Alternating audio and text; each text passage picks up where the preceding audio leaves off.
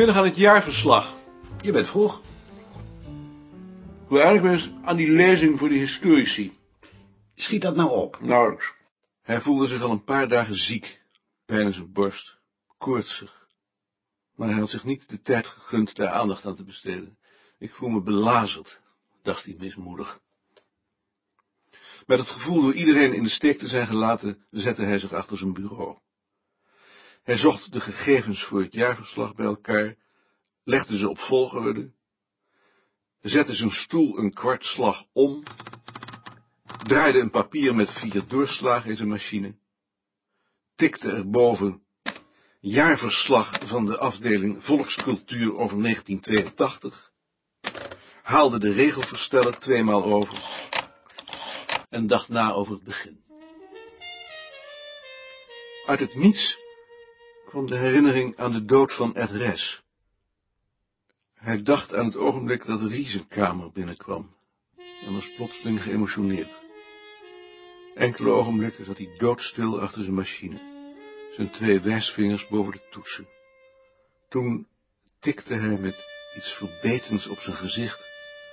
Tot onze ontsteltenis maakte Ed Res op 16 september een eind aan zijn leven.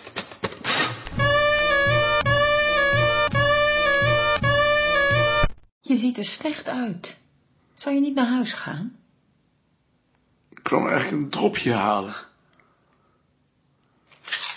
Je mag het hele doosje wel hebben. Nee. Eén is genoeg.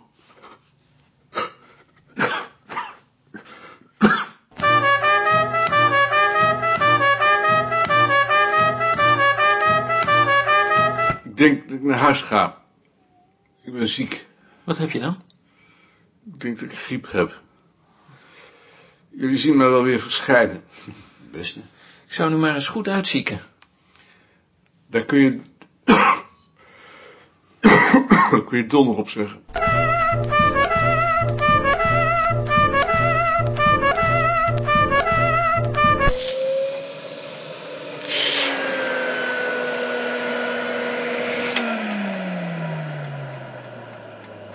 Wat kom je doen? Ik ben ziek. Ziek? Wat heb je dan? Ik ben beroerd. Wat is dat dan? Beroerd? Alles. Hoofd, hoofdpijn, misselijk, pijn in mijn borst. En wil je nu naar bed? Ja. Maar ik moet je bed nog opmaken. Ja, kan dat? Natuurlijk kan dat als je ziek bent. Maar wat zeiden ze wel op het bureau?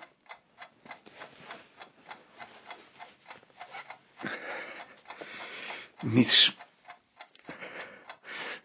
Zien ze dat ik slecht uitzag en dat ik naar huis moest gaan. Maar dan heb je er toch zeker wel voor op tot donder gegeven? Ik vond het wel aardig. Maar zoiets zeg je toch niet? Ach, Dat is toch de manier om iemand de grond in te trappen? nee. Ben je daarom soms naar huis gekomen, omdat te zien dat zij? Nee, natuurlijk niet. Tegen iemand zeggen dat hij er slecht uitziet, hoe haalt iemand het in zijn hoofd? Moeten de gordijnen soms ook dicht? Graag. Moet je soms nog iets hebben? Bekker bij mijn melk graag. En? Had je nog koorts? 39,4. Moet ik dan de dokter niet roepen? Nee, geen dokter. Maar waarom niet? Omdat het vanzelf overgaat. Hier is je melk. Wordt dan maar gauw weer beter.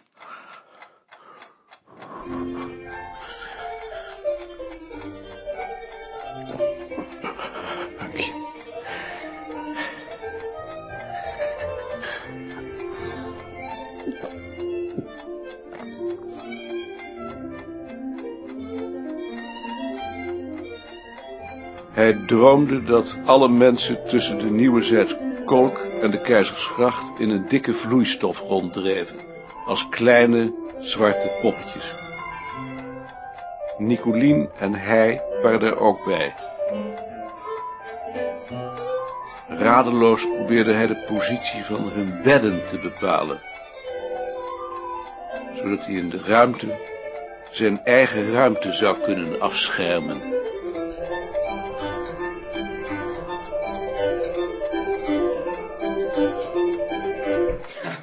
Koning mij laat roepen, dan is er wel iets aan de hand. Hier is het.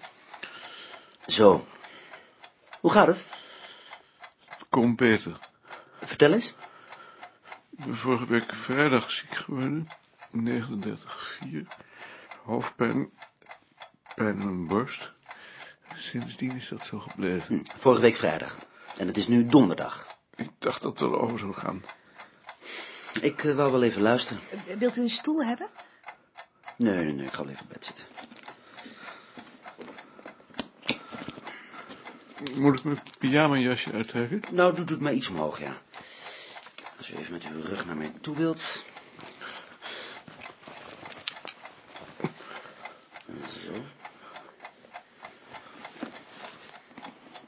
Ja. Ademt u eens diep. Even adem inhalen. Ja, en langzaam weer uithalen. Goed, ademt u even diep. Ja. Ja, u kunt uithalen. En nog even één keer diep in. Ja hoor, meneer Koning. Nee, gaat u maar liggen. Kan ik hier ergens opbellen?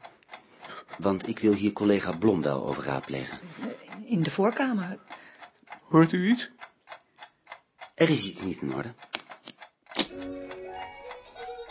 Nou, dat vermoed ik ook inderdaad. Ja, het zou een iets op links kunnen zijn. Maar dat is op zich... Nee, het is niet geen constante, maar het geeft het wel in die richting te denken, ja. Wat zou er dan zijn? Ik heb geen idee. Nee, nee, nee, nee, nee, geen laryngitis, nee. Geen heroïne, nee. Wat zegt u? Oké, okay. Dag. Dag. Hij is op weg naar het AMC, maar hij wordt opgepiept. Hij zal direct wel terugbellen. Opgepiept? Hoe gaat dat dan? Dan belt hij onderweg uit een telefooncel. Ah, daar heb je hem.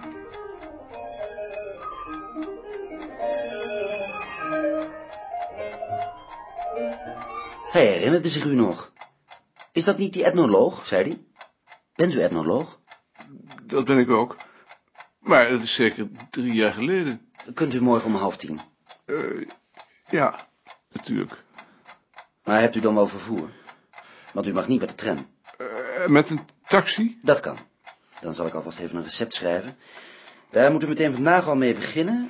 Ja, dat is voor meneer... Uh, M. Koning. Oh ja. ja. Ik was het even vergeten. Wat is dat voor middel? Dat is een antibioticum. U krijgt een kuur van 10 dagen. Die moet u afmaken. Dus niet onderbreken. Nee. Het beste. Dank u wel.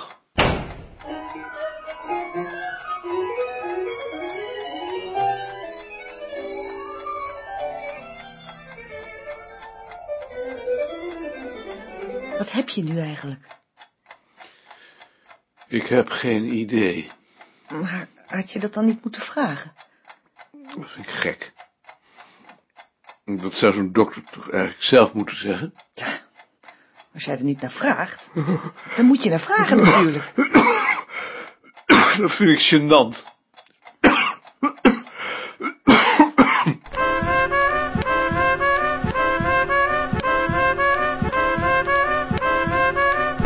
U hebt een flinke ontsteking in uw linkerlong.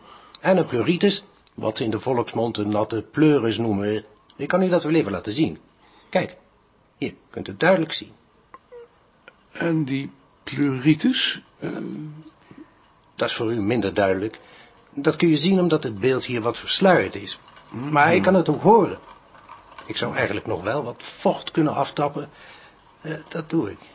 U krijgt even een prik in uw rug, maar daar merkt u niet veel van. Als u uw bovenlijf even ontbloot.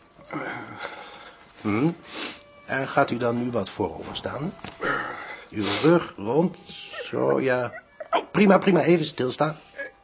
Uh, nog even. Uh, wacht u nog even. Heel mooi. We zullen zien of er nog wat in zit. Sinds wanneer gebruikt u dat antibioticum? Um, sinds gistermiddag. Ah, dan zou het wel eens kunnen dat de boel al dood is, maar dat zien we wel. Normaal gesproken zou ik u laten opnemen. Maar als ik uw vrouw zie, denk ik dat u ook wel thuis kunt blijven. Als zij daar niet tegenop ziet, tenminste. Nee hoor, ik vind het wel leuk. Hm, Dat doen we dan. En dan zie ik u over drie weken hier weer terug. Ehm, om half tien maar weer. eh, goed. Hebt u enig idee hoe lang het duurt? Oh, u moet het beschouwen als een middelzware operatie. Dus rekent u maar op de minste zes weken voor u weer aan het werk kunt. En daarna zult u uzelf toch zeker nog een paar maanden moeten ontzien.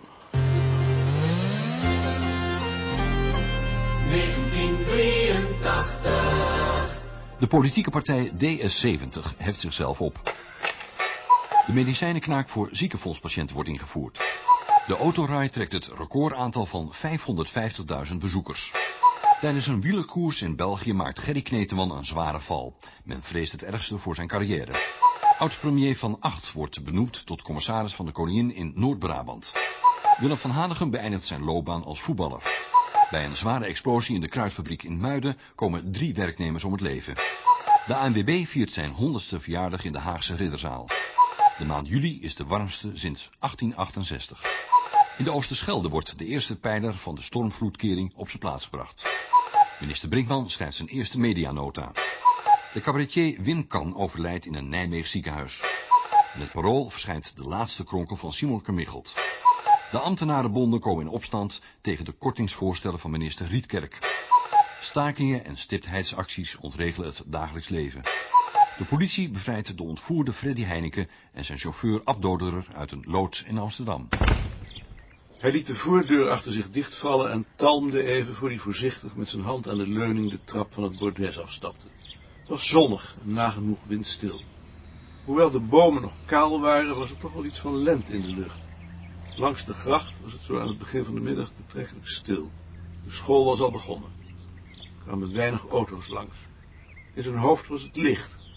Nog geen duizeligheid, maar bijna. Langzaam liep de gracht af. Af en toe even stilstaand om om zich heen te kijken. Als een oude man. Het herinnerde hem aan heel lang geleden, toen hij drie maanden in het ziekenhuis had gelegen na een buikvliesontsteking. Een herinnering vervulde hem met heimwee. Voortlopend in de zon langs de Brouwersgracht viel het hem op dat er veel oude mannen op straat waren. Sommigen met een hond. Hij keek met sympathie naar ze. En er heimelijk om benijdend dat ze niet terug hoefden naar het bureau. Op de korte Marnixkade, vlak bij de Haarlemmerpoort, rustte hij uit op een raamkozijn in de zon. De brug ging open. De doorges voeren voorbij. Hij keek ernaar en voelde zich gelukkig.